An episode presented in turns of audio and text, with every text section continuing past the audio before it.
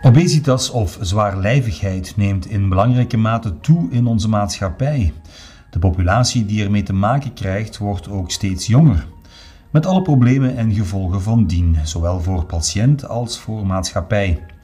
Ziekenhuis Oost-Limburg beschikt over een obesitascentrum dat alle facetten van zwaarlijvigheid op multidisciplinaire wijze aanpakt. Want obesitas behandelen bestaat uit veel meer dan diëten of een operatie ondergaan. In deze podcast laten we iedere schakel in het behandelingstraject aan het woord, zodat u een volledig beeld krijgt van de mogelijkheden die ZOL biedt om zwaarlijvigheid adequaat aan te pakken. Mijn naam is Jurgen Ritsen en ik heet u welkom in deze podcast.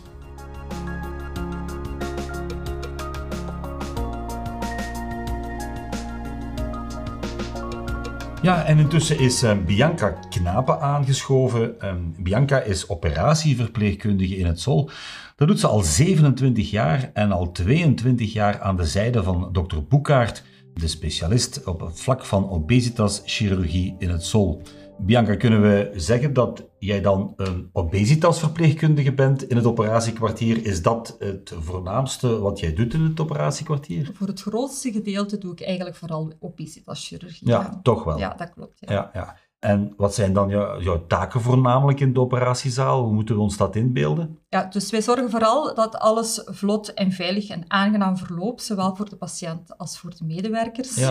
We zorgen dan ook dat er een goede voorbereiding is, dat is zeer belangrijk. Bijvoorbeeld voor anesthesie Mhm. zorgen we dat al het nodige materiaal en de medicatie klaar ligt voor de narcose. Ah ja. Ook zorgen we ook dat het materiaal aanwezig is voor eh, de chirurg. Bijvoorbeeld het instrumentarium, de laparoscopietoren, het Ja. steriel materiaal. En dan het, bijvoorbeeld een laparoscopietoren is een toren of een toestel waarop het beeld van de binnenzijde van de buik, waar de chirurg, de assistent en operatieverpleegkundige getoond wordt. Eh, Heb jij ooit bewust gekozen voor dit soort van job, om obesitasverpleegkundige in Tokate te worden? Mijn grootste passie was voor eigenlijk vooral abdominale chirurgie. En eigenlijk is obesitaschirurgie daar een beetje uitgegroeid. Ja, je bent daar zo wat ingerold, Ja, ja, eh, inderdaad, omdat dat je klopt, al ja. in de abdominale Ja. cel zat Ja, eigenlijk. hè? inderdaad. Ja, ja. Hoeveel mensen zijn er betrokken bij een eh, obesitas-operatie? de anesthesist, Ja. samen met een anesthesieverpleegkundige, die zorgen dan voor de narcose. Dan heb je de, aan de operatietafel de chirurg, Ja. met een assistent-chirurg, Mhm. een instrumenterende verpleegkundige, die dan het instrumentarium aangeeft aan de chirurg. Ja. Dan heb je een omloopverpleegkundige, die Mhm. zorgt voor dat de steriele verpleegkundige of de instrumenterende verpleegkundige al het nodige materiaal heeft. En die zorgt er ook voor dat er alles correct wordt aangesloten. ja. Bijvoorbeeld tussen de laparoscopietoren, de leegbron, kabels voor het gebruik van energie zoals elektriciteit tijdens de ingreep. Ja. En dan op elk moment van de ingreep wordt er ook op gelet dat de regels van steriliteit correct toegepast Ja, wordt. Uiteraard, ja. Dus samenvattend zijn er meestal zes mensen nodig Ja. voor de ingreep. Ja, ik kan me inbeelden dat jij intussen na al die jaren ja, blindelings samenwerkt met dokter Boekaert. Dat is ook zo. We Ja. zijn enorm op elkaar ingewerkt, Ja. eigenlijk. En ik, mijn uitdaging is ook, ik probeer de chirurg een stapje voor te zijn. Ja. Dat vind ik het leukste aan het meedoen van een operatie, eigenlijk. ja. Mag je zelfs wat meedenken met de chirurg? Ja, Ja? ze hebben niet liever. En haal je dan daar ook eh, extra voldoening Ja. uit? Hè? Dat is voor mij de uitdaging van de job. Er moet tussen jullie twee niet veel meer gesproken Nee, worden. eigenlijk niet. Eigenlijk Nee, nee. niet. en dat is dan meteen ook de, de meerwaarde van al die jaren ervaring die jij hebt ongetwijfeld. Inderdaad.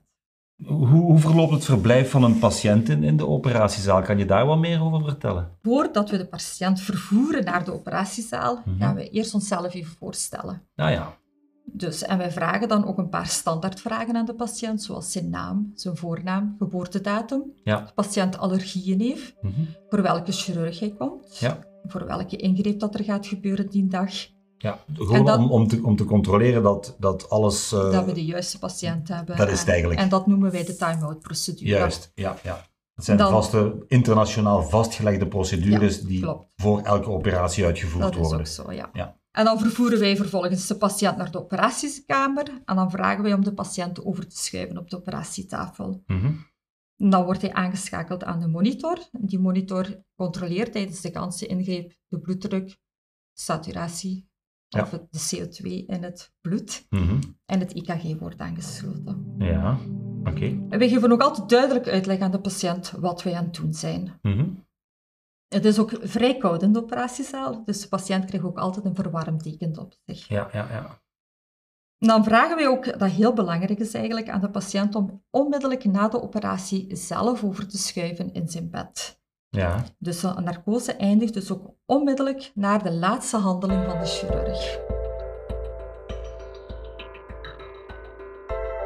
dan eindigt de narcose. Dan wordt Ja. eigenlijk wordt de, wordt de patiënt al wakker in de Eh, operatiezaal. Op de operatietafel zelf. Ja, En ja. dan vragen wij aan de patiënt om over te schuiven zelf in zijn eigen bed. Dus die narcose moet ook heel nauwkeurig Ja. toegediend worden. Ja. Dat en is wat jullie net vervolgens zeiden, brengen wij de patiënt naar de ontwaakruimte en daar blijft hij ongeveer een uurtje tot anderhalf uur. ja. Ja. Zijn eh, patiënten die voor een obesitasoperatie komen doorgaans ja, op hun gemak op voorhand? Of mm, zijn ze toch wat, eh, wat nerveus daarover? Bepaalde mensen zijn zelfs angstig. En Ja. dan is het ook heel belangrijk dat wij de patiënt geruststellen, dat we Ja. goed voor de patiënt gaan zorgen. En als ze vragen hebben, dat ze natuurlijk hun vragen stellen nog op dit moment Ja. dan.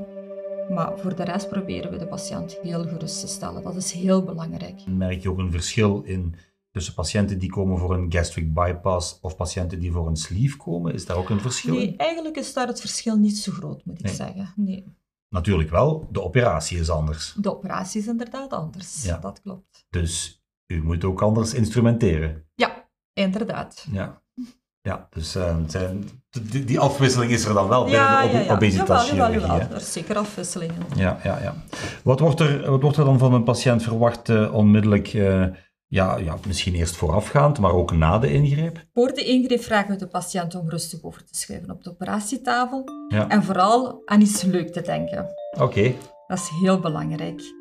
En na de ingreep is het belangrijk dat de patiënt overschuift van de operatietafel in zijn eigen dat hij bed. dat zelf weer doet, Ja, uiteraard. hè? inderdaad. Daarom dat eh, hij ook wakker gemaakt wordt onmiddellijk na de ingreep. Ja. Waarom is dat eigenlijk? Dokter Boekaert eh, die vertelt dan ook, dat is eigenlijk al het begin van hun kinesietherapie. Dus Oké, daar zit eigenlijk al het een therapeutische Ja. reden. Inderdaad.